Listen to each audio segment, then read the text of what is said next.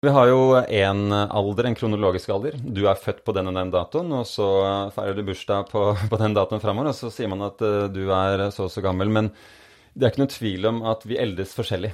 Forskjellig hastighet. Så uh, hvor ung kroppen din er, altså at den fungerer bedre eller dårligere, uh, det kan da ha med biologisk alder å gjøre. Ja. Og det, autofagien kan hjelpe til at cellene ikke eldes så fort. Det ser, ja, det er helt klart uh, en sammenheng uh, der. Uh, man ser det at hvis man går på en medisin, eller hvis mus går på en medisin hvor, som virker da inn på autofagi, så lever de lengre. Og man ser at det klart er det som er mekanismen også for hvorfor de lever lengre. At det er formidlet da gjennom autofagi.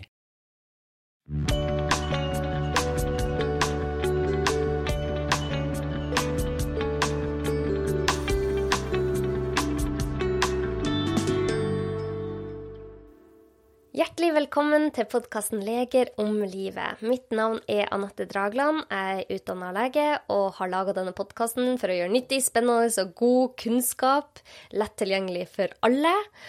Og i dag har jeg med meg en gjest som jeg har hatt på eh, ønskelista lenge. Han heter Inge Linseth. Han er klinisk ernæringsfysiolog. Han er nå forfatter av boka 'Femdagers nullstilling forny kroppen innenfra med spisende faste', som nettopp kom ut. Og han har Altså, jeg har sett CV-en til Inge, og jeg visste ikke hva jeg skulle plukke ut, for at det var så mange ting. Han, han har gjort utrolig mye på sine 50 år. Oi, nei, det, var, det er ikke så mye. nei, det er tuller bare. 40 år. Det sto i boka. 47. 40 sto det i boka. Sto det i boka? Nei. Ja, gjorde det ikke det? Nei, det er i hvert fall 47. Det står her. Det, jeg syns det er så fint, for det står her Nei, det, kanskje det sto noe annet der. Vent litt. Eh, hvorfor vil jeg leve 50 år til? Fordi jeg endelig begynner å få teken på det. Ja. Um, det er da en annen person det gjelder. Det er han forskeren uh, David Sinclair som har sagt det. Å, jeg syns det er så fint! Ja. OK, men i hvert fall, Inge, du har så mye godt du har gjort. Og du har Jeg må bare nevne noen ting. Han Inge jobber som klinisk ernæringsfysiolog på Balleklinikken, som fagrådgiver innenfor ernæring på Økologisk Norge. Han er vitenskapelig rådgiver i My Microbiome undervist på Universitetet i Oslo, har skrevet utallige artikler og publikasjoner, og han har bl.a. vunnet pris for beste artikkel i 2020 i tidsskriftet Nutrients. Hjertelig velkommen, Inge. Tusen takk, Anette. Veldig hyggelig å være her. Vi skal snakke om faste i dag. Men først, hvorfor, hvorfor har du blitt så interessert i faste? Eh, det er litt tilfeldigheter. Jeg skulle gjerne sagt at jeg følger med på alt av forskning, eh, og at eh, jeg skjønte tidlig at faste var veldig viktig for helsa. Men det var ikke helt sånn. Det var noe som bare dukket opp hos oss på Bolleklikken på et møte. Da gjaldt det fasteimiterende diett, eller fasting mimicking diet, som jeg ble presentert for. Og da kikket jeg nærmere på det, og så ble jeg mer og mer interessert. Og da dette her eh, Da jeg ble oppmerksom på det, så var det ikke så mye forskning. Så det var ikke så rart heller at jeg ikke hadde eh, blitt oppmerksom på det før. Men det var også kanskje en sånn egen skepsis jeg hadde da, til, eh, til sultfølelse. Det å gå lenge sulten. At det er vel ikke noe særlig. Og det kan ikke jeg utsette mine pasienter for å si at de ikke skal spise i flere dager. Så det var kanskje litt sånn underbevisst at uh, det, det, trenger jeg ikke å gå så mye inn i. Men så klarte ikke jeg å uh, unngå det når det dukket opp på et møte på, på klinikken. Da. Så, så, og så var det jo sånn at det som jeg ble presentert for, det var da en produktpakke som man kunne gjennomføre fasteimiterende diett med. Og så da tenkte vi at vi kunne jo gjøre dette her med vanlig mat som man kjøper i butikken i Norge. Mm. Så satte vi bare i gang med det, og så holdt kurs i det. Og så har det kommet mye forskning eh, etter det også, eh, siden da 2018 blir det vel. Så, så da har jeg bare blitt mer og mer um, interessert i, i det. Um, ja, så den korte historien så kommer vi mer inn på uh, mer senere, da. Ja, og det, og det, er fascinerende at du sier at du lærte om dette i 2018, og det kommer masse mer forskning allerede bare på den korte tida der. Altså dette er et område som er Det er en eksplosjon av eh, forskning som kommer mer og mer. Så da må det jo være noe i det, tenker jeg. Ja, det er eh, Det vil jeg påstå, selvfølgelig, siden jeg har skrevet en bok om det og holder kurs i det. Og så er det sånn at det er ikke så mange humanstudier, altså studier på mennesker. Men det er Det kommer flere og flere studier. Det er mange studier som er planlagt. Og det er uh, veldig overbevisende studier, vil jeg si, på, på dyr. Uh, som jeg mener har ganske stor relevans for mennesker. Mm. Så det er ganske frapperende effekter, egentlig, på, på noen ting. Mm. Jeg tenker at før vi skal gå videre inn på det, så må vi si hvem faste kanskje ikke passer for. Og jeg tenker at hvis man har slitt med spiseforstyrrelser eller et eh, vanskelig forhold til mat, så er kanskje ikke faste noe for deg, og kanskje ikke denne episoden er noe for deg. Da vil jeg gjerne at du skal snakke med legen eller eh, psykologen din før du eventuelt skal høre videre. Fordi det kan trigge det litt. Og det er det jeg syns er så vanskelig med faste, Inge, at jeg har hatt om det før. Det har så god effekt for veldig mange. Men så er det for noen så kan det trigge noe veldig vanskelig i de, eller forverre en spiseforstyrrelse. Og jeg har gått litt sånn fram og tilbake. sånn, Skal jeg snakke om det da? For det er jo utrolig mange som kan ha god effekt av det. Men så er det noen få som kan ha veldig negativ effekt av det. Men det jeg landa på, er at jeg må kunne snakke om dette, for det, viktig, det kan være et viktig verktøy for mange. Men at jeg må òg ha respekt for at dette er veldig vanskelig for noen å høre om.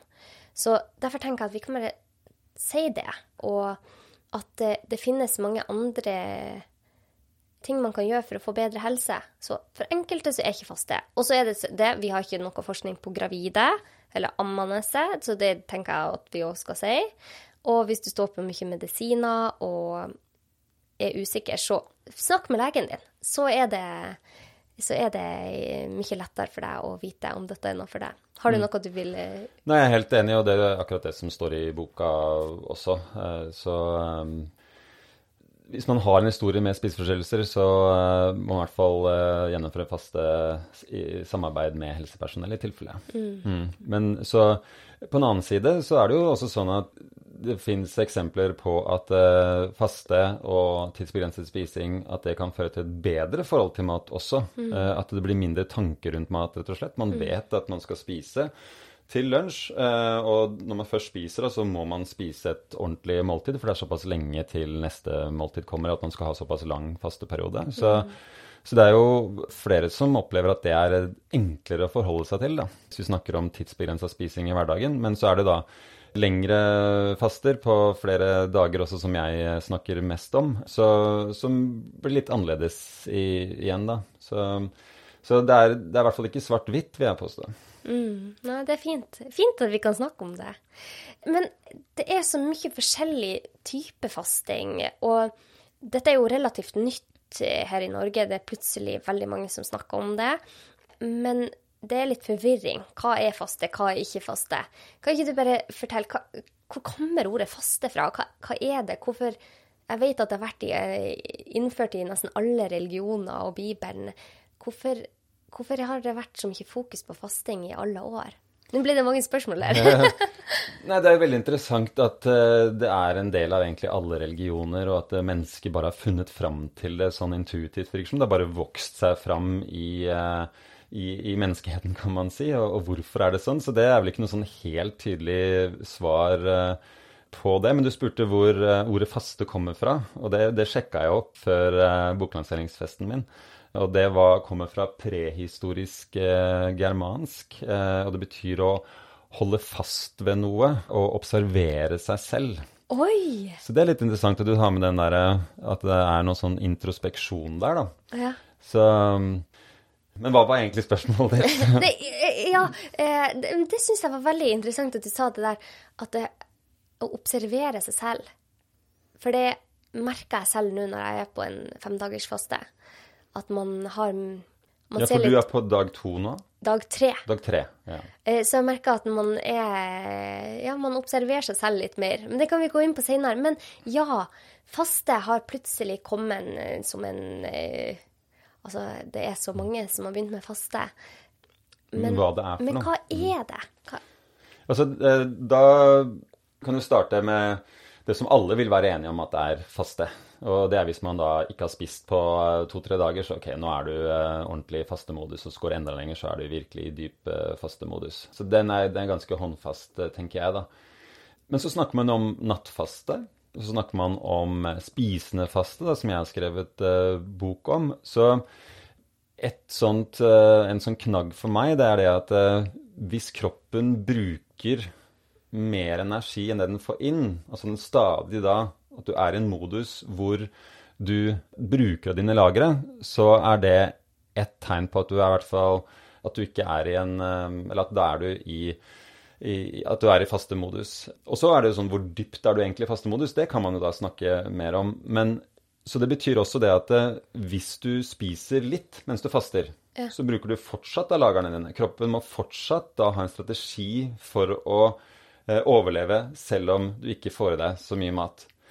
Og da har jo da den forskningen som har blitt gjort da, på fasteimiterende bl.a. I, i det siste, eh, vist at om du får fasteeffekter selv om du spiser en god del, altså så mye som en tredel, eh, og enda mer enn det, så kan du fortsatt få helt klare fasteeffekter. Og i dyrestudier her igjen så er det sånn at man har sett at det kan til og med gi bedre effekter enn vannfaste eh, på inflammatorisk tarmsykdom.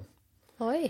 Så, så det er noe med hvordan er det man bruker faste i dagligtalen og tenker at ja, men faste det er jo ikke å spise. Men så er det den mer medisinske og fysiologiske forståelsen av det da, som jeg tenker er viktig å få fram, og som også gjør at eh, vi kan at flere kan få muligheten til å faste. fordi at For noen så er det å ikke spise i flere dager det er helt utenkelig. Det, det vil man ikke starte med. Men hvis man kan spise tross alt fire måltider, som man gjør på fasteimiterende diett, hver dag, selv om det er små måltider, så er det noe som gjør det mer tilgjengelig for eh, flere. Jeg merker i hvert fall jeg. OK, men så hvis du eh, slutter å spise klokka ti på kvelden, og ikke spiser før klokka åtte, så har du jo fasta på en måte i ti timer. Vil det, Kalles det fasting, eller kalles det da tidsbegrensa spising? Altså, hva er det, er det fasting? Det er noen av de samme mekanismene som eh, oppstår i kroppen bare du har en lang nattfaste. Ja. Eh, Det er det.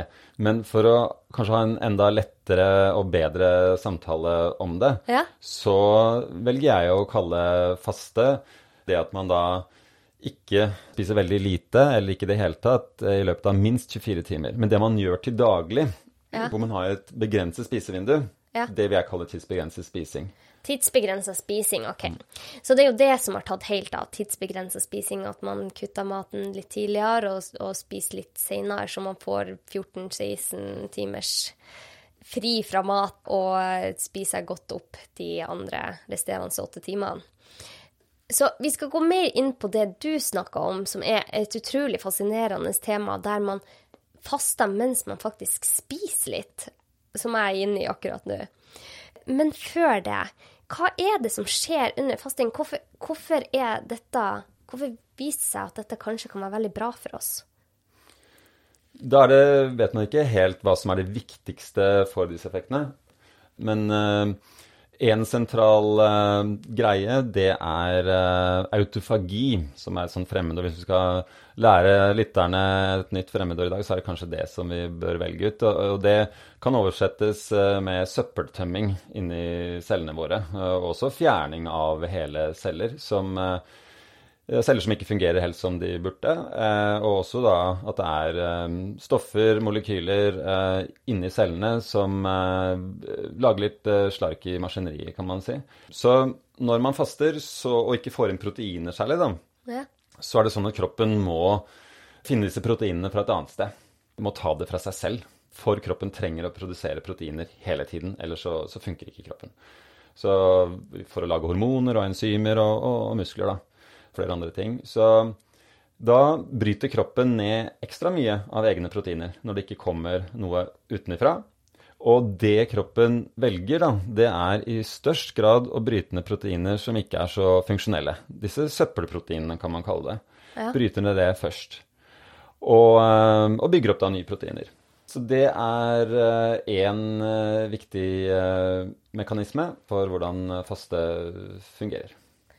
OK, så når Så, så du går ikke inn i autofagi, eller hva man skal si. Man um, Hva heter det? Man går ikke inn i autofagi, det blir feil å si det. Hva sier man? Nei, eh, du har autofagi eh, til en viss grad eh, hele tiden, men det er ja. snakk om at du får økt autofagi. Ja, økt autofagi. Mm. OK. Og det er det som viser at kanskje er bra for oss, for da blir man kvitt avfallsstoffer på en måte fra proteiner, molekyler fra cellene våre, og så bygger man opp nytt. Mm. Og jeg syns det er veldig sånn fint å se det visuelt for seg, hva det er egentlig som, som skjer. Og hvorfor er det så viktig? Hva har forskninga vist? Hva gjør autofagien med oss? Eh, det var jo som jeg var inne på, at det, er, eh, det skaper litt sånn eh, slark i maskineriet. Og det er kanskje ikke så viktig sånn hvis du er frisk og er ganske ung, så, så kan det være greit at du ikke har noe sånn økt autofagi. At den autofagien du har til daglig, at det, det holder. Men, men, hvis du ikke hadde autofagi i det hele tatt, så ville det hatt noe å si for bremsing av eh, kreftceller. Det er viktig for uh, presentasjon av virusmolekyler, sånn at vi kan kjenne igjen virus for eksempel, og bakterier. Det er viktig for å spise opp uh, bakterier. Det er også viktig for fosterutvikling, og, men også daglig resirkulering av proteiner. Da. Ja. Mm. Ha. Er det kun fasting som kan gjøre at vi får økt autofagi? Nei, og det er interessant eh, men når det gjelder hva, hvordan man kan se på faste. Fordi eh, la oss si det ikke passer så bra for deg å faste. Så kan du få mange av de samme effektene eh, ved å gjøre andre ting også, som trening f.eks. Det øker autofagi. Ja. Mm. Og det er også sånn ja, men, Og skal du da spise med en gang etter du har trent? Nei, kanskje ikke, fordi da kan du dempe noe av den autofagieffekten. Ah. Så, men også da, eh, så vidt jeg husker, da, så, så er det altså kalde bad og, og badstue også eh, kan også bidra til eh, mer autofagi. Tenk det. Mm.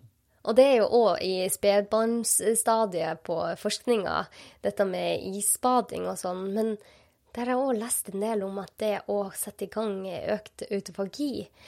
Og eh, jeg tenker at det er jo mye snakk om autofagi også biologisk aldring. Kan du fortelle, hva er biologisk aldring? Vi har jo én alder, en kronologisk alder. Du er født på den og den datoen, og så feirer du bursdag på, på den datoen framover, og så sier man at uh, du er så og så gammel. Men det er ikke noe tvil om at vi eldes forskjellig. Forskjellig hastighet. Så uh, hvor ung kroppen din er, altså at den fungerer bedre eller dårligere, eh, det kan da ha med biologisk eh, alder eh, å gjøre. Ja. Og det, autofagien kan hjelpe til at cellene ikke eldes så fort? Det ser, ja, det er helt klart en sammenheng der. Man ser det at hvis man går på en medisin, eller hvis mus går på en medisin hvor, som virker da inn på autofagi, så lever de lengre. Og man ser at det helt klart er det som er mekanismen også for hvorfor de lever lenger. At det er formidlet da gjennom autofagi. Å, dette er så artig å snakke om! Inge, dette er jo utrolig fascinerende. Vi er i en ny æra, altså.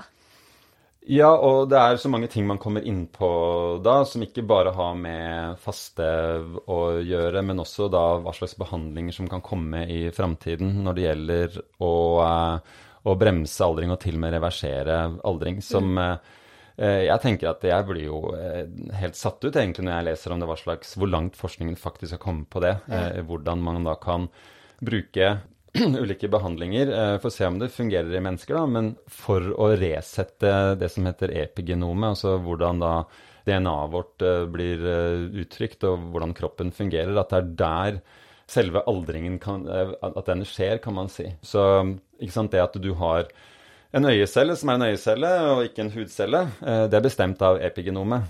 Så det som skjer når man blir eldre, det er at eh, en øyecelle blir liksom kanskje litt mer en hudcelle, og en hudcelle blir kanskje litt mer en øyecelle, eller hva som helst. da. Og ikke, den softwaren er ikke så bra, da, så du får ikke det blir eh, litt sånn at, at ikke eh, cellene fungerer helt som de skal. Og at det ligger veldig mye i, i epigenomet. Så da, man, da finnes det behandlinger som man har gjort da på mus, hvor man da får at den oppskriften på hvordan epigenomet bør være når du er ung, den kan man da finne tilbake til. Den ligger i oss. Og så kan man bruke noen stoffer for å resette dette her. Ah, dette er helt vilt. Hvor er vi om 20 år, liksom? Ja, det er jo litt sånn håper å si, farlig å snakke om å si at uh, nå kan vi kanskje snart leve evig, når vi ikke har noe konkrete data på det i, i mennesker. Men det er jo en veldig filosofisk stor greie hvis det faktisk er sånn at man kan ta en behandling og velge om man har lyst til å leve mye, mye lenger. og når skal man skru av knappen da, på en måte, og mm. ikke gjøre det lenger? Så mm. Så det er litt sånn Da skaper du en kompleksitet der da, som man kanskje på en måte ikke vil ha, men dette her vil tvinge seg fram uansett. Altså mer og mer forskning på det. Så, mm. så da må vi forholde oss uh, til det. Mm. Eh, jeg tenker at i hvert fall behandling som gjør at vi lever friske liv de siste 40 årene det, Vi lever jo lenge nå, men veldig mange av oss lever syke liv de siste årene. 10, 20, 30, 40 årene av sitt liv. Og hvis man kan finne behandlinger, eller finne indre behandlinger, kan man kanskje si, det, altså man finner måter der kroppen kan fungere på bedre ved hjelp av måter som isbading eller fasting, og at det kan reparere oss innenfra, så er jo det bare helt utrolig, egentlig. For der var vi ikke bare for ti år siden. og ikke snakk om det. Nei, jeg syns det er veldig spennende, og det er nettopp det som er med fasting og eh, disse andre tingene vi snakker om, at uh, det er vel ikke så sannsynlig at man får så høyere, mye høyere maksimal levealder hos et menneske da, at man da kan leve til man blir 140. Men det er nettopp disse friske leveårene som, uh, som mye handler om, da. At mm. du er friskere fra du er 60 til 90 f.eks. At nettopp fordi at du trykker på aldringsmekanismer, da. Ja. Eller aldringsknapper. Fasta du? Ja, jeg gjør det, men jeg begynner å le nesten litt nå, fordi jeg er ikke den som er best til å faste, på en måte. Jeg syns det er, kan være litt tøft, men det går bedre og bedre.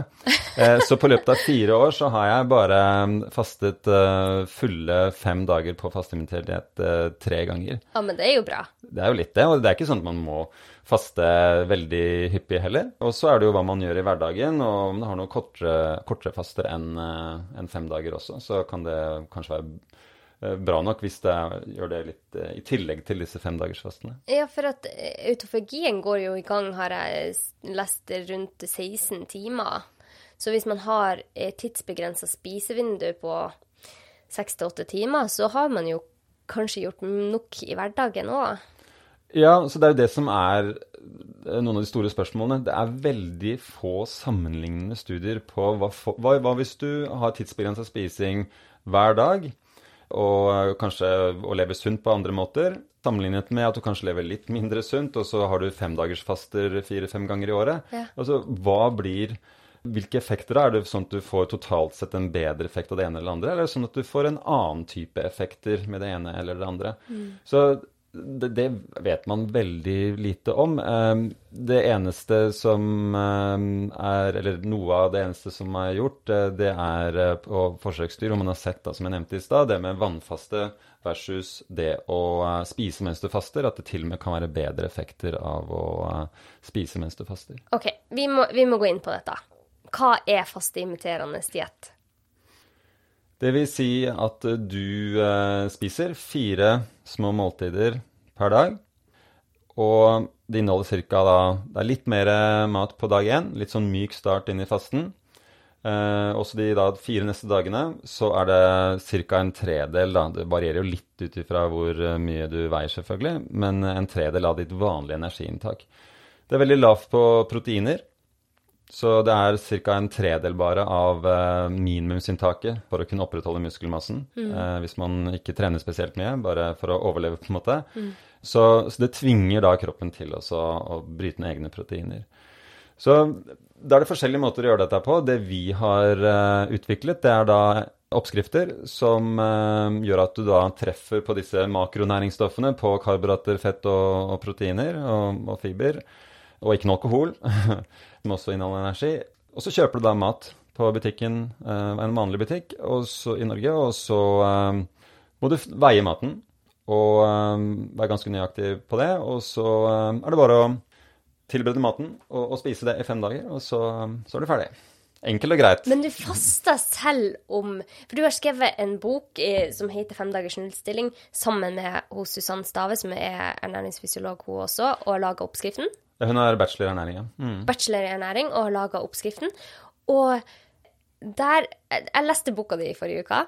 Jeg bare slukte den rått. Jeg syns det er kjempespennende det dere skriver om, og det du skriver om ikke, hvordan det påvirker aldringsprosess og sånn. Jeg synes det, ja, det, Dette kan jeg ikke lese noe om.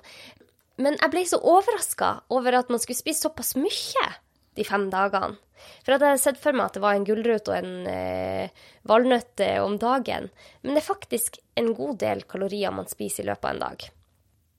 Og denne forskninga, hvor, hvor, kommer den fra, som viser at dette har effekt? Eh, det er uh, veldig mye da denne forskeren fra USA, som er egentlig, eller er, eller han er vel fortsatt italiener, Walter Longo, så han uh, gjorde forskning på gjærceller på 90-tallet når det gjaldt da inntak av sukker, glyserol, forskjellige næringsstoffer og forskjellige mengder av dette her. da. Uh, og så det at dette her påvirket veldig levealderen til gjærceller. Og så har han tenkt videre og, og forsket videre, og, og, og, også sett det at det eh, ikke bare lever gjærcellene lenger, de blir også mer motstandsdyktige mot mange forskjellige ting. Så han har tenkt da videre at ja, men dette kan jo kanskje være en metode for å gjøre kroppen sterkere. Gjøre at man blir bedre beskytta mot kjemoterapi f.eks., sånn at egne celler overlever bedre, men fortsatt da angriper kreftceller eh, i like stor grad. Så, men så prøvde den da først med vannfaste eh, på, på, kreftpasienter, men det var jo ingen som ville være med på dette. Det er ikke spise. Nei, det, det ville de ikke. Så da begynte, tenkte han at ja, kanskje man kan spise noe mens man faster også. Altså, hvor går egentlig grensen for når man ikke får fasteeffekter lenger? Så satte han ganske fort egentlig i gang bare med studier på, på dyr, og, ganske fort etterpå på mennesker. Eh, og da tok han litt i, da. Altså, det var tross alt så mye som en tredel. Og da tenkte han vel det at ja, du kan spise en gulrot eller noen valnøtter i tillegg, men det monner liksom ikke. Så hvis jeg først skal gjøre dette her, så har jeg lyst til å ta i litt. Det er nok det han uh, tenkte, da. Ja. Og så viste jo da studien at dette her funker jo. Og så spørs det er det sånn at det er 900 eh, kilokalorier per dag, eller er det 500 kilokalorier som er det optimale? Det vet vi ikke ennå. Men på dag eh, to til fem så er det da i overkant av 700 kilokalorier. Men når du sier funka, hva mener du med funka? Om det funka eller ikke? Da er det ulike studier som er uh, gjort. Det er vel en sju-åtte studier på, på, mennesker. Og da er det noe så enkelt på en måte som bare altså, opprettholder muskelmassen din. Altså, Jeg kan ikke si at det gir noe bedre helse, liksom, men det er jo en grei ting som man bare får avklart. Så, ja. så, det ser man at, uh, at, du får ikke noe redusert uh, muskelmasse, eller at du får noe tap i styrken din hvis du gjør det innenfor dette her. Men det han har gjort noen kliniske studier på, er bl.a. tabolsyndrom. At man da har, eh, har, litt høyt blodtrykk, er litt overvektig, har litt økt betennelsestendens.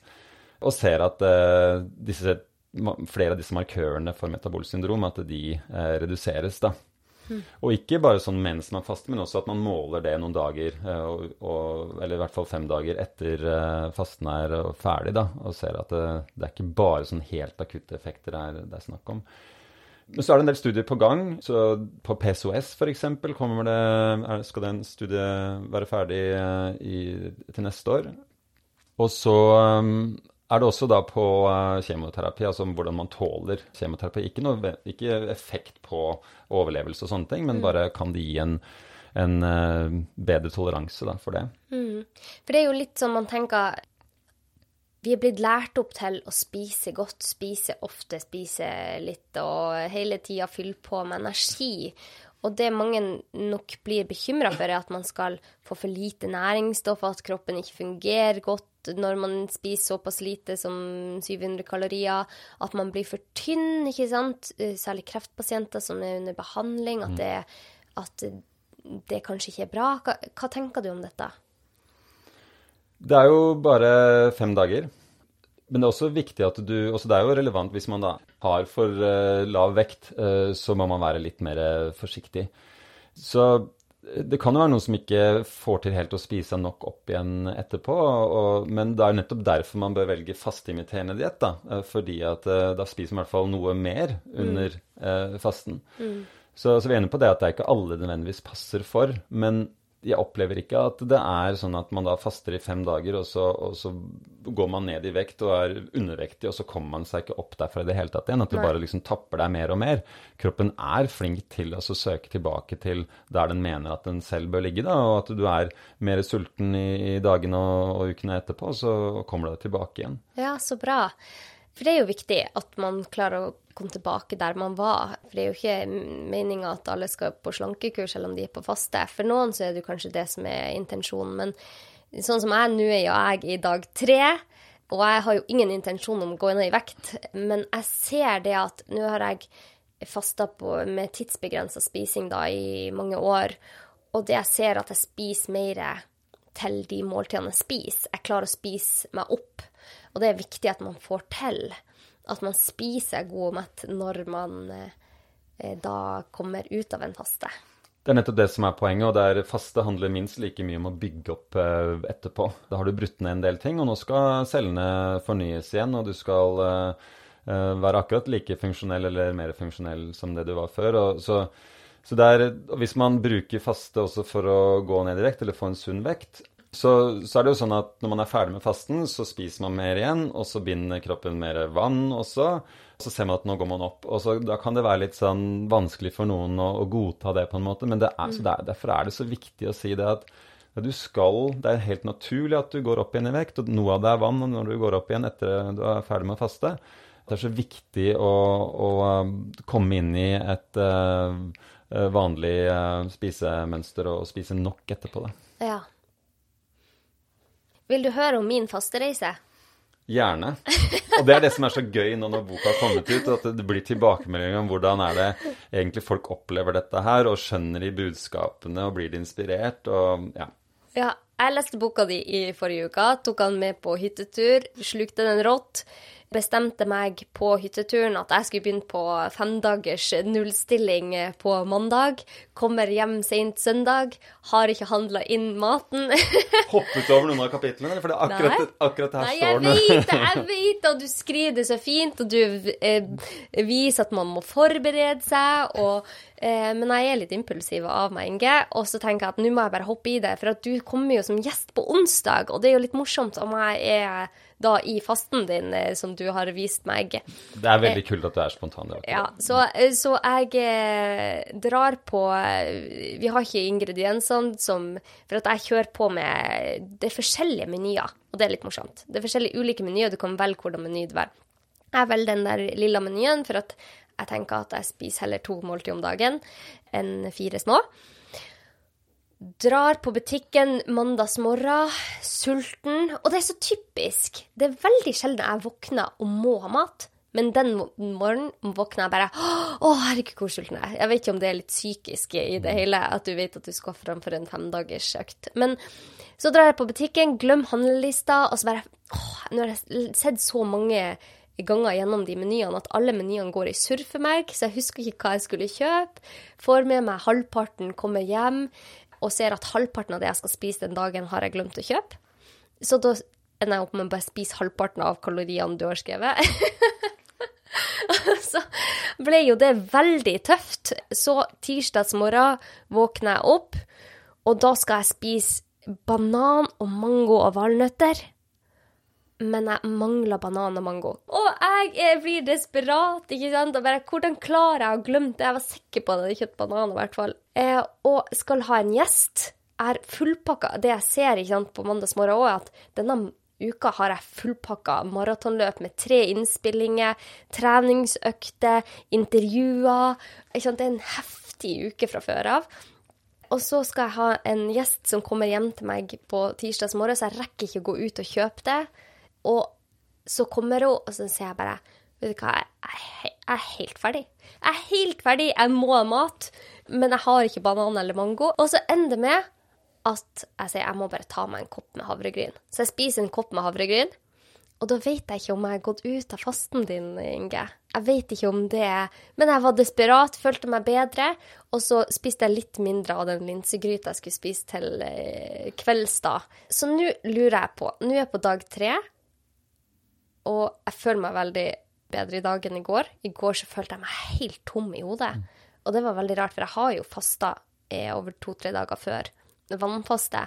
Men da hadde jeg rolige dager. eh, Rolig arbeidsplan. Jeg skulle ikke på en treningsøkt på mandager. Jeg hadde tilrettelagt litt.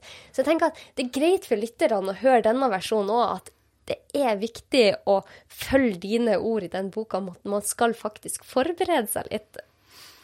Det er en veldig fin, fin historie sånn sett, og, og andre dagen kan også for mange være den uh, tøffeste. Og så hadde du masse ting å gjøre i tillegg, Uh, og så var du Vet ikke om du ble kanskje litt sånn redd den sultfølelsen nå, eller var det bare det at du Nei. følte deg litt tom? Nei, jeg blir ikke, jeg blir ikke redd sultfølelsen, for at jeg vet at jeg spiser godt opp meg og godt opp når jeg kan spise. Men jeg ble bare Altså, jeg fikk så tåkehode og bare tenkte å, herregud, jeg klarer ikke å spille inn en episode.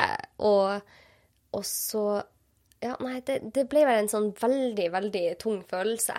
Så da spiste jeg havregryn, og er jeg ute av den eh, Da må jeg nesten se på akkurat hva du spiste resten av dagen, og hvor mye havregryn det akkurat var, og regne litt på det. Men eh, det hørtes ikke ut som det var så mye. Det var én liten kopp med havregryn, og så vann og litt havremelk.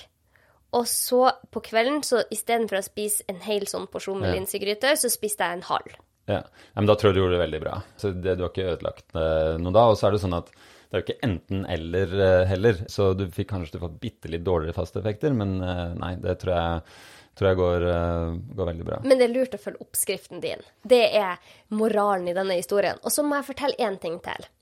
På mandagskveld så spiste jeg banan og valnøtter til kvelds. Og det er det beste jeg har smakt i hele mitt liv. og, og det tenkte jeg bare sånn Man får så matglede av å faste.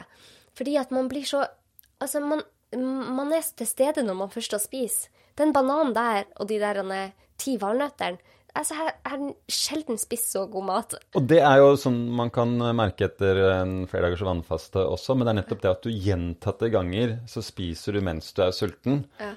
Eh, Og blir Og det er Jeg blir jo eh, noen som kaller meg kålengel, kanskje mest meg selv, for at det har vært en del kål på disse rettene før. Ikke så mye i boka nå. Ja. Og jeg syns jo var jo glad i kål før også, for så vidt, men blitt enda mer glad i det nå fordi at det smaker så fantastisk godt mens jeg faster. Ja. Og det er veldig mange som sier det samme som du sier, at vi har jo fantastisk bra retter. Men, og det er, de er bra, men de er liksom ikke så bra. Det er noe med at man bruker et veldig bra krydder, og det er uh, sult. Ja, for den linsegryta var, den var skikkelig god i går, altså. Men ungene mine likte den òg. For det er det som er så bra, for at jeg er jo nødt til å spise i lag med barna mine. Eh, så det, vi lagde linsegryta i lag, og den er jo kjempegod for andre òg. Og da fikk de noe i tillegg, eller var det bare at de spiste litt mer, eller De spiste mye mer, og så fikk de brødskive i tillegg. Ja. Så det er jo Ja, men det er en kjempefin måte å gjøre det på, og det er det som også er viktig, at du eh, gjennomfører en faste som kan integreres i livet ditt, at du kan være sosial, at det ikke blir masse styr hjemme, eller at eh, nå er mamma på diett, eller liksom sånne ting. At det er noe som, eh, som funker i, i hverdagen. Da. Og så er det nettopp det som du var inne på, eller som du gjorde, at eh, når eh, det skjer ting, så kan du tilpasse litt i andre enden. At du spiser litt mindre eh, til neste måltid som kommer, da, hvis du på en måte gjorde litt ting feil. Så hvis du skal på en, eh, en middag f.eks. på kvelden, og du er midt under fasten, så kanskje du skal droppe alle måltidene akkurat den dagen inntil du kommer på middagen, og så tar du litt mer sånn på gefühlen da på middagen, at du spiser salaten der med litt olje. Og så var det kanskje litt mye, men eh, det er i hvert fall så har du ikke spist tidligere på dagen, og da Ja. kan det godt hende det går fint likevel. Da. Men jo lengre eller jo flere sånne ting du gjør, så ender du opp med å ikke vite helt hva du egentlig driver med. Hvor Mm. Ja. går egentlig grensen her? Så da er det jo bedre å være litt på den sikre siden da, når du frir deg fra, eh, eller litt fra menyene. Ja, for det er jo litt irriterende å gå fem dager, og så har du på en måte ødelagt litt effekten. Ja, og da er det jo sånn som du også spurte meg om før podkasten nå, at eh, ja, men hva med noen som veier 50 kilo, ikke sant? kan de spise like mye som en som er, veier 100? Men da skal du huske på at eh, det er tatt utgangspunkt i en gjennomsnittsperson, at man veier sånn 70-80 kilo, og at man ser at det er effekter for sånne. Så at hvis man veier mer, så blir det på en måte bare litt tøffere, da, ikke sant, og du spiser fortsatt like lite. Eh, men, at det er, men da kan man jo da, hvis man veier mer, spise noe mer i utgangspunktet. men men da vi bare, for å gjøre det pragmatisk også, så, så, er det likt for alle. Men hvis man ikke er sulten, eller altså, hvis man da ikke er sulten i det hele tatt, og man veier 50 kilo, og man kjenner ikke på sult i det hele tatt de, de, fem dagene, så er det en indikasjon på at eh, nå får kanskje ikke du helt uh, de samme faste effektene, og nå bør du droppe et måltid da, av det som er satt opp. Ah, ja, det er interessant. Mm. Hmm. Hvem tenker du at fasteimiterende diett egner seg for? Det, det, er jo Jeg er fristende å si alle, bortsett fra de vi nevnte litt tidligere. Ja. Altså, man kan jo ta det som en utfordring. Eh, bli mer kjent med seg selv. Kjenne på en, eh, en, eh, en type styrke ved det å, å, klare å gjennomføre det. Og det å, å, at man kan få sett på mat på en litt annen måte. Og få mer matglede, som du snakket om. At mm. ting smaker mye bedre. Men det er jo også da at man kan bruke det mer på en medisinsk måte. At man uh, sliter med ulike plager. Og da er det en del plager det ikke er forska på, men som jeg får tilbakemelding på at det kan fungere på. F.eks. irritabel tarmsyndrom. At det er flere som kan oppleve gode effekter uh, på det. Men så er det en del autoimmune sykdommer, da. MS f.eks., som det er forska så vidt litt på når det gjelder mennesker, men veldig gode resultater uh, i, i dyreforsøk. Og så er det disse metabolske tingene, altså diabetes, eh, hjerte-karsykdom, markører for det, som mm. man har sett gode eh, effekter på. Mm. Mm. Ja, OK. Opplevde du bivirkninger? Du har jo hjulpet mange gjennom eh, femdagers eh, faste, fasteimiterende diett. Er det noen bivirkninger, vanlige bivirkninger med å gå såpass lenge med lite kalorier? Det spørs hva du definerer som bivirkninger, men det er eh, Hjernen din fungerer gjerne på en litt annen måte, og så er det sånn, ja, men er det en bivirkning hvis du blir litt sånn testa på, på hvor uh, god du er til å sitte i noe vanskelig, og så er det det med Men også det, kan du få litt dårligere konsentrasjon, kanskje, eller litt mm. annerledes type konsentrasjon. Så, så, for noen så vil man jo kan det oppleves som en bivirkning at man ikke er like konsentrert på jobb, da, i hvert fall deler av fasten. Så det er én ting. Men det er, det er, veldig få direkte bivirkninger eh, egentlig av en eh, faste. Mm. OK. Jeg har fått noen tilbakemeldinger som jeg tenkte vi bare kunne ta opp. For at, vi har snakka om at faste er den, For noen så er det ikke faste verktøyet som er passa for deg. Og for mange så er det det. Eh, men jeg har fått to tilbakemeldinger. En lege og eh, ei anna som begge opplevde å få og det var ikke fasteimiterende diett, det var vanlig tidsbegrensa spisevindu, da, at de spiste bare åtte timer om dagen og hadde 16 timers faste. Og fikk så uh, mye mageproblemer med forstoppelse, og fikk vondt i magen, luft. Og det, det tenker jeg at vi må bare snakke om, fordi at jeg tenker at for det første, så hvis du går mm, fra et spisemønster der du spiser åtte måltider om dagen, så er det en kjempe kjempestor omveltning for magen og hele systemet ditt at du plutselig bare skal spise to store. Og jeg tror det er viktig å gjøre dette gradvis. Sånn som også min samboer, han fikk litt problemer med magen i starten, og det har forsvunnet helt. Man kan kanskje oppleve litt sånne småubehag, og for de to så var det jo store ubehag. De måtte jo slutte å faste sånn. Men jeg tenker gjør dette veldig gradvis ikke hopp fra åtte måltider om dagen til to. Det blir kanskje for stor overgang. Også dette med fastimiterende diett. Jeg vet ikke om du har sett forskjell på de som er, har vært vant til å ha tidsbegrensa spisevindu, og går over til, i en femdagers eh, fastimiterende diett. Om de tolererer det bedre. Hva du tror Det er litt sånn eh, at jeg kanskje overtolker eller at det er litt sånn vagt i tilfelle, men, eh, men ja.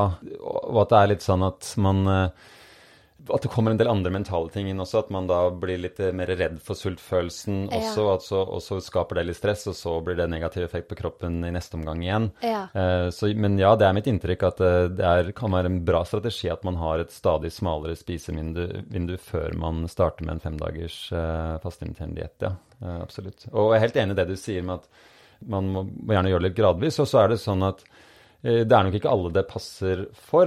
Og så er det også sånn at uh, det er en del ting Hvis det er enkelthistorier, så det, kan det være andre ting det handler om også. At det er noe mm. annet som man gjør i livet akkurat da, eller at det er mm. noe med tarmfloraen, eller altså hva som helst som, som endrer seg. Så, mm. så, jeg tenker ikke at man skal gi opp, eller uh, at man, hvis man får litt vondt i magen, og, men kanskje da ikke, være, ikke gjøre noe ekstremt på noen som helst måte, og være litt mer forsiktig. og og i studier, det finnes også studier på det du nevner her nå, at det var noen som skulle spise all maten innenfor seks timer i en studie. Mm. Eh, og da tok de i snitt en sånn tolv dager, tror jeg det var, før de opplevde at det var komfortabelt. Å oh, ja. Mm. Ja, ikke sant. Mm. Ja, for at kroppen må vennes til noe helt annet. Det er jo Vi har jo et system som er veldig glad i vaner, og at ting skal være sånn som det alltid har vært. Du merker kanskje selv at uh, hvis du er vant til å spise klokka tolv, så blir du gjerne litt småsulten for, uh, rett før tolv. Uh, og, og, det kan endre seg når man endrer på det. Ja, ja, og hormonene og alt. Jeg leste òg at sulthormonene Det blir mindre utskilling av sulthormoner på kvelden når du går lenge der du har slutta å spise på kvelden, så du opplever mm. at du blir mindre og mindre sulten på kvelden. Så det, er, det skjer jo noe i systemet. Men ja, så du, det du ser, er at mange personer med inflammatoriske sykdommer og autoimmune sykdommer får det bedre på fastimiterende diett? Det mest akutte jeg opplever, det er altså etter en én runde f.eks., eller bare noen dager på fastimiterende diett eh, og annen type faste, så, eh, som varer over flere dager, så, så, er det særlig det med betennelser og smerter som eh, sier at det blir bedre ganske akutt. Ja. Og, og, noe av grunnen til det kan også være at eh, man får en økning i opioidreseptorer eh, i hjernen. Eh, så at man får en direkte sånn smertedempende og litt sånn kanskje rusende effekt også, rett og slett. Ja. Mm. Det er jo Jeg gleder meg så til det kommer mer studier, så vi har mer kjøtt på beina. Og, for det, det er jo litt tidlig stadie. Men det er klart jeg har, altså, jeg har hundrevis av mennesker som har begynt å, med tidsbegrensa spising etter å ha hørt på podkasten, som har fått det bedre. Fra alt mulig, altså. Så eh, vi har jo en god del studier. Kanskje ikke på fasteimiterende diett så mye enda, men i hvert fall på tidsbegrensa spisevindu. Mm. Men når det gjelder flerdagersfaster, så er det nettopp fasteimiterende diett man kan si det har vært forsket eh, mest på de siste fem årene, rett og slett. Ok. Mm. Mm. Og så vil jeg bare si det med ja, eh, ja, dokumentasjon og hvordan man ser på dokumentasjon, og hvordan man tar valg om hva man skal velge å gjøre og ikke gjøre. Og da eh, tenker jeg at hva er egentlig nedsiden ved å faste? Og eh, hvis man opplever det selv som ikke noe sånn stor nedside, så, så er eh, terskelen for å gjøre det ganske eller lav, vil jeg si da, når det er såpass mye lovende studier på, på dette her. Ja, ja, ja. Jeg merker i hvert fall selv at jeg fungerer mye bedre når jeg faster. OK, jeg har masse spørsmål til deg videre. Vi har vært inne på at det, er, det gir økt autofagi. Kan man vite noe mer om hvorfor mange opplever, i hvert fall mange som har skrevet til meg, at de opplever mindre leddsmerter, får mindre tåkehjerne. Vet vi noe mer om hva som skjer utenom dette med opioidreseptorene? Det er eh, interessante effekter på hjernen også. For en økning i BDNF, som det heter. Ja. Som på en måte bare styrker hjernen, for å si det generelt. Eh, og også da en annen type metabolisme i hjernen. Eh, at den blir mer selektiv eh, for hva du, du, velger å fokusere på. Og, eh, og at du og oversatt da, til norsk måte at du kan bli litt mer romslig kanskje i eh, hvordan du ser på deg selv og på, på andre og på, og på livet.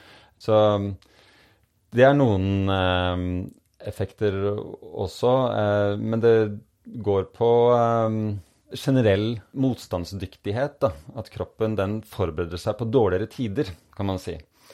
Eh, som da, igjen tilbake til de gjærcellene som Longo har forsket på. At den, hvis en gjærcelle skal eh, overleve når det ikke er mat, så, eh, og formere seg, så trenger en da å overleve lenge nok til at det kommer mat igjen. Sånn at når det ikke kommer mat, så bruker den faktisk ekstra energi på å holde seg selv levende lenge nok til at det kommer mat. Så noen av de samme genene, de og lignende gener i hvert fall, de har vi mennesker også i oss. Mm. Så det kan kanskje være med på å forklare da hvorfor man ser at man har en større toleranse for, uh, for kjemoterapi osv. når man uh, faster, da. Mm. OK. Du er jo klinisk ernæringsfysiolog og har jo jobba med dette i mange, mange år. Ser du at eh, det er noe annet som er viktig for oss med tanke på når vi faster, og hvordan vi skal håndtere fasten på best mulig måte? Har, er det noe vi kan gjøre for å gjøre det lettere for oss? Ja, altså De som har eh, ganske dårlig helse i utgangspunktet, eh, så kan de kanskje slite litt mer. Eh, hvis de er eh, stressa, så kan det gå litt gærent hvis man går inn i fasten og er stressa. Det kan være ha en stressdempende effekt å faste også, men det er litt sånn at hvis du Det kan også eh, gi mer stress hvis du starter fra et dårlig sted, da. Ja, for det, det snakka vi om før du eh, kom hit, eh, Inge. At For jeg sjekker jo ting med min klokke og ring for tida. Og det jeg ser at eh, de to siste nettene nå, så har jeg hatt en god del høyere HRV enn jeg normalt har. Altså bedre HRV, ja. Mm. Ja, bedre HRV. Og du har jo sagt at man får økt adrenalin under fasten. Men også økt aktivering av det parasympatiske nervesystemet. At det, det roer deg på en måte òg. Og jeg kan kjenne at jeg er litt, kanskje litt mer sånn gira nå de siste tre dagene enn jeg har vært eh, tidligere. Men jeg sover utrolig godt, og jeg har høyere HRV. Hva, hva er dette for noe? Nei, det er jo da to, som du sier, da, to ting som virker litt sånn eh, eh, mot hverandre, eller at det er to forskjellige ting som skjer. At du får økt adrenalin, det forbinder man med stress, samtidig som det parasympatiske nervesystemet eh, aktiveres. Så, så hva blir egentlig summen for deg og summen for den enkelte? Og da kan man tenke seg at det blir litt forskjellig da, fra person til person. Om man da totalt sett eh, får en bra effekt på kroppen når det gjelder stress, og hva man opplever selv også. Så er det sånn, ja, du føler at du er litt gira, men samtidig ikke. Så det er også mye din egen tolkning da, Ja. som kan bidra til å forme det videre, hvordan du opplever for Hvis du kjenner på mye stress, så kan du også bli mer stressa av det. Ja, ja. Og så er jeg så opptatt av at man ikke blir sånn som Nå tracker jo jeg stresset mitt, jeg syns det er veldig interessant. Og jeg ser jo at når jeg spiser store måltid, så er det stress for kroppen. Og vi skal jo utsette kroppen vår for stress. Vi skal ikke gå rundt og lade oss i hjel, som en eh, forsker så godt sa det. Man skal ikke hele tida tenke at man skal være parasympatisk. Det er bra for kroppen å være i stress.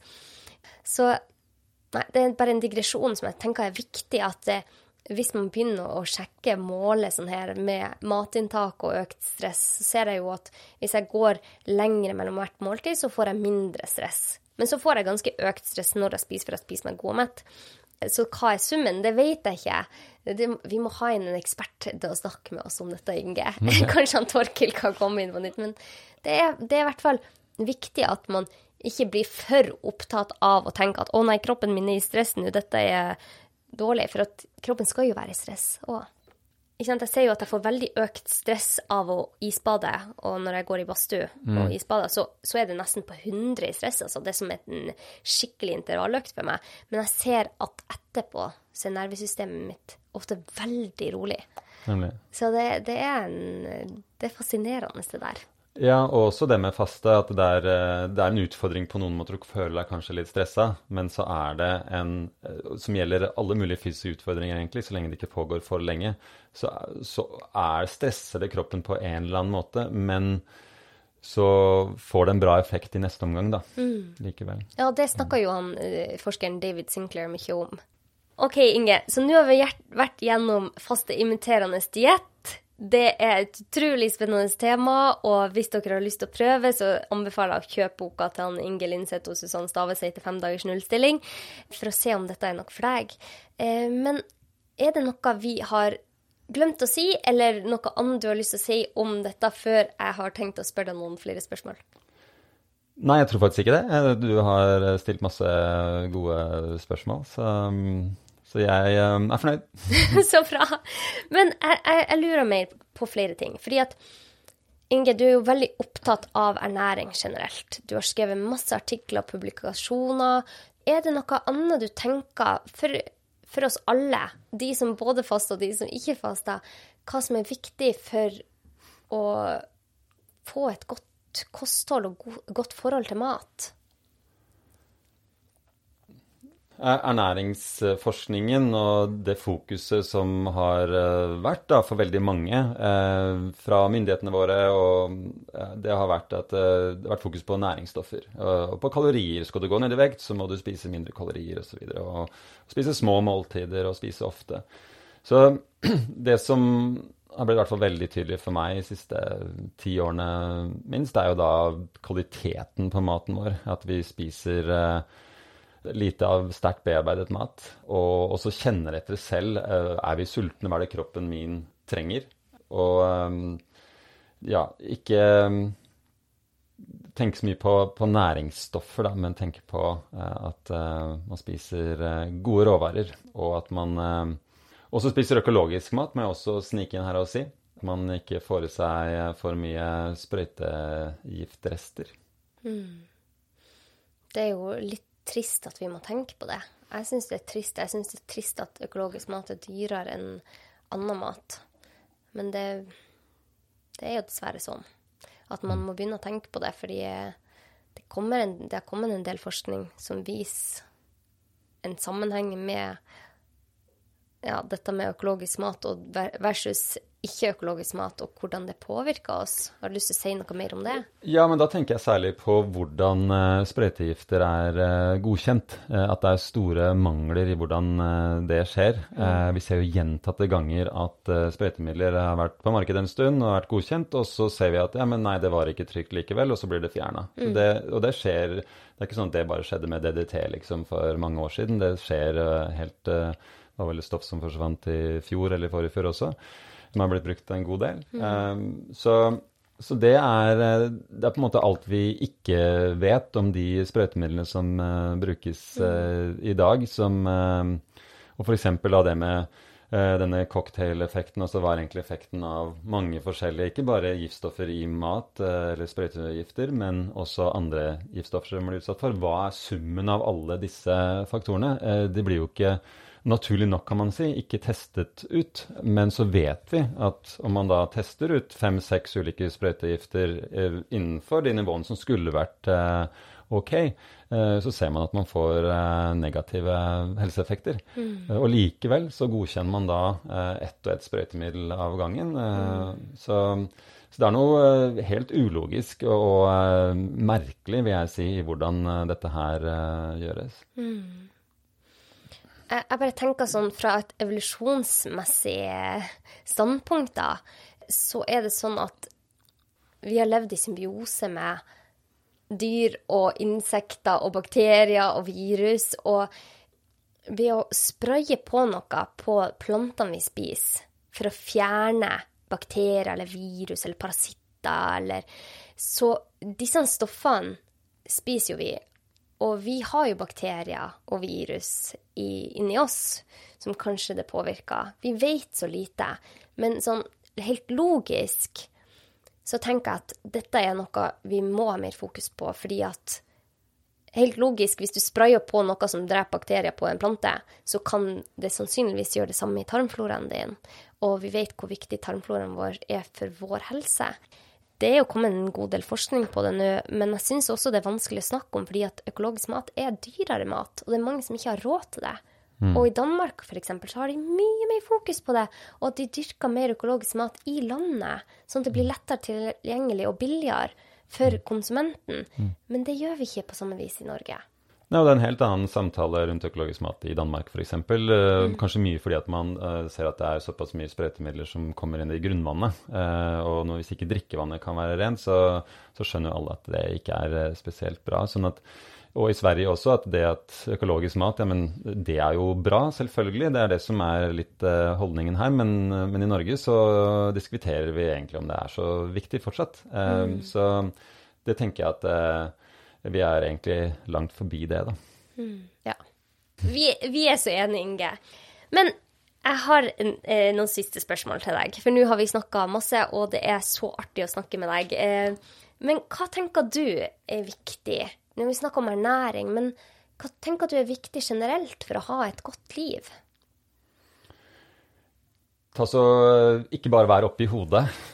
Ta så Kjenn eh, Altså gjør ting som utfordrer kroppen, som får deg ut av de mønstrene du har nettopp ved å drive med badstue, isbading, trening, faste. Det kan være en, eh, en liten pause for deg selv, og som gjør at du kommer inn i hjernen din på en annen måte også, altså gjennom kroppen. Mm. Um, så For det er jo veldig mange ting som man sier at man skal gjøre for å få et bra liv. Men jeg tenker også at det er viktig å tenke på at du ikke skal gjøre noen ting av og til. Du skal faktisk bare sitte der og møte deg sjøl, og ikke skape noe som helst. Du skal bare sitte og ikke prestere noe, og bare være med deg selv. Det er sånn noen enkle ting oppi alle mulige eh, gode råd som man blir eh, bombardert eh, med. Det er i hvert fall viktig for meg. Og når du sier det, så kommer jeg til å tenke på for at for oss så er det så vanskelig. Vår generasjon. Det er så vanskelig å sitte stille og bare være med seg selv. Men jeg var nylig og besøkte min bestemor, som er godt opp i 80-årene. Og jeg måtte jobbe på dagtid når jeg var der. Og da bare sitter hun i stua.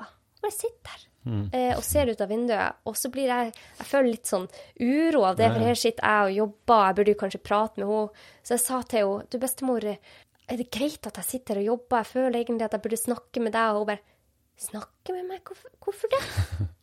Jeg har det jo kjempebra her. Så vi, mm. det der å komme tilbake til å kunne sitte med seg selv og ha det bra, for en gave det er. Mm.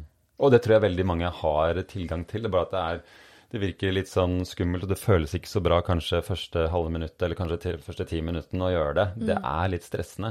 Men på, når du kommer over det, så, så, tror jeg de fleste vil kjenne på en større ro, at det er skikkelig deilig å, å gjøre det. Ja. Men når det er sagt, så tenker jeg også at det er viktig å ikke være for mye i komfortsonen. Og da mener jeg at man da så fort man eh, Eller at man, hvis man ikke trener, eh, eller man eh, da kjenner på noen litt dårlige følelser som dukker opp, så er det sånn så er det veldig lett å gripe mobilen, f.eks. Eller spise noe for å dempe ulike ting. Mm. Så komfortsonen er litt farlig. Du skal være i den, du skal søke mot den, men du skal ikke være der hele tiden.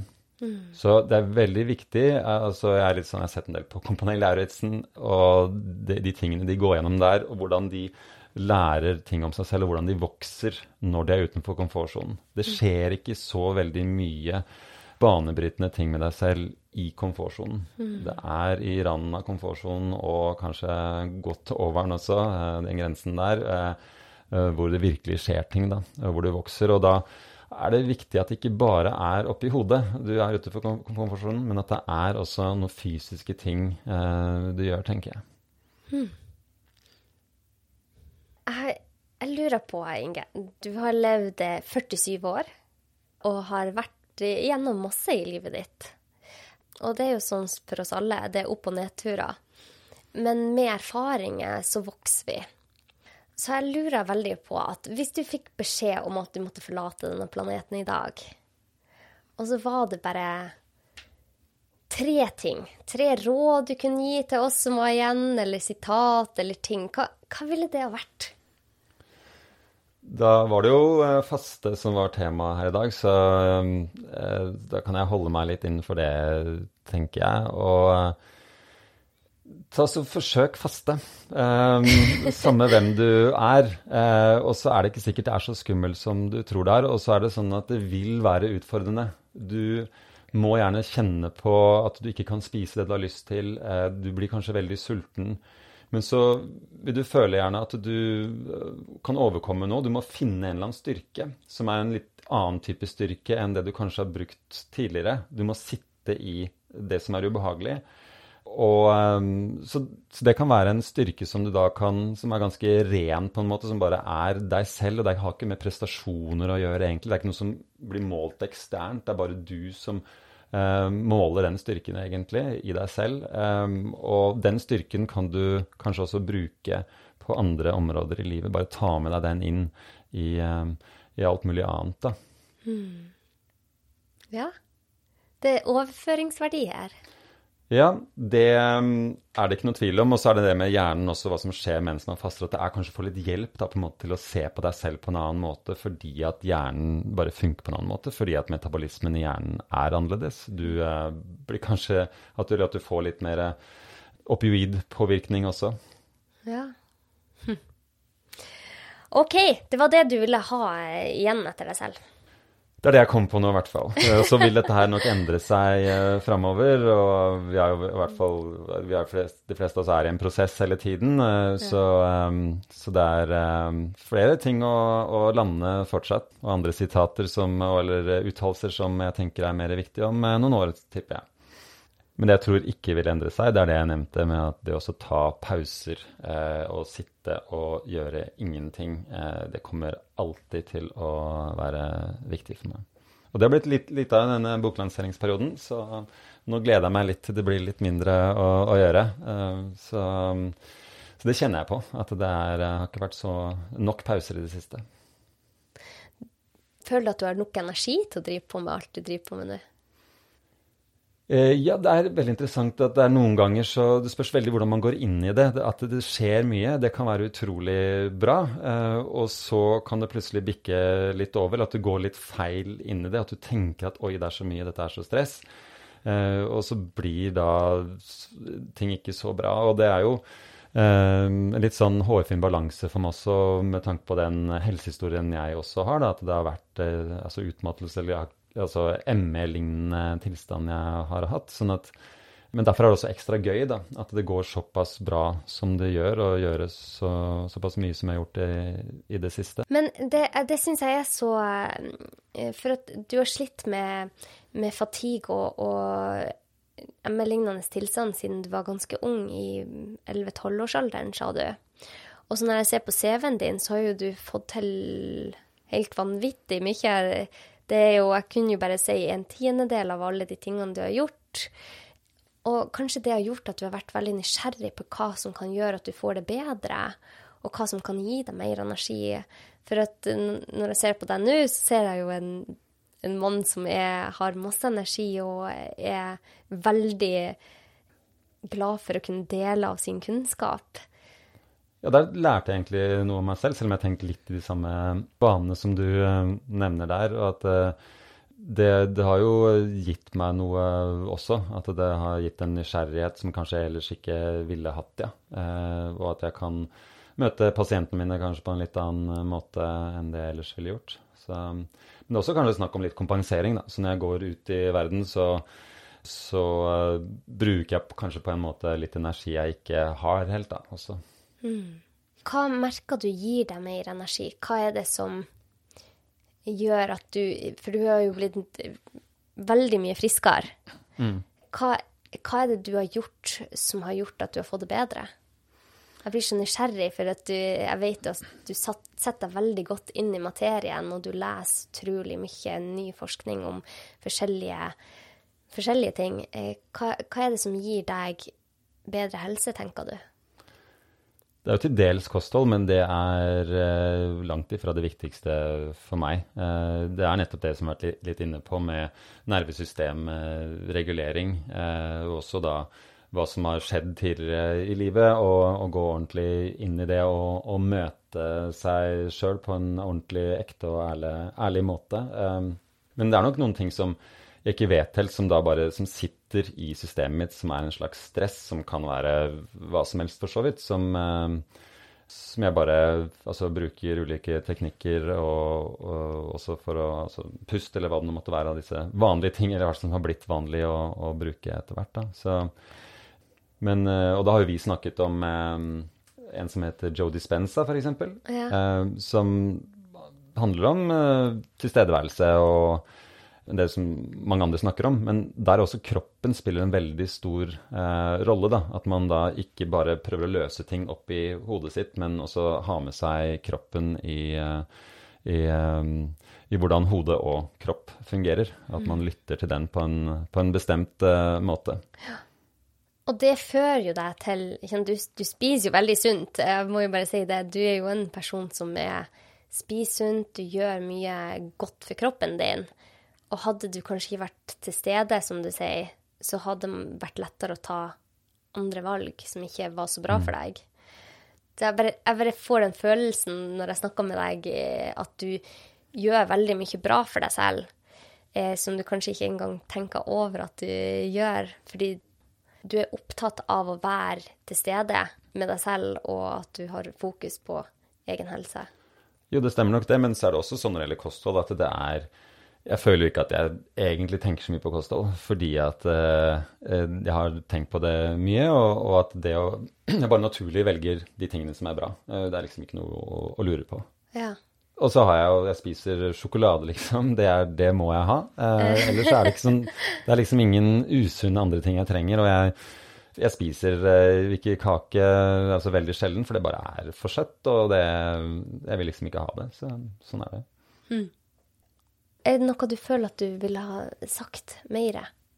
Nei, jeg vil bare egentlig ønske deg lykke til videre på fasten. Um, to dager igjen nå.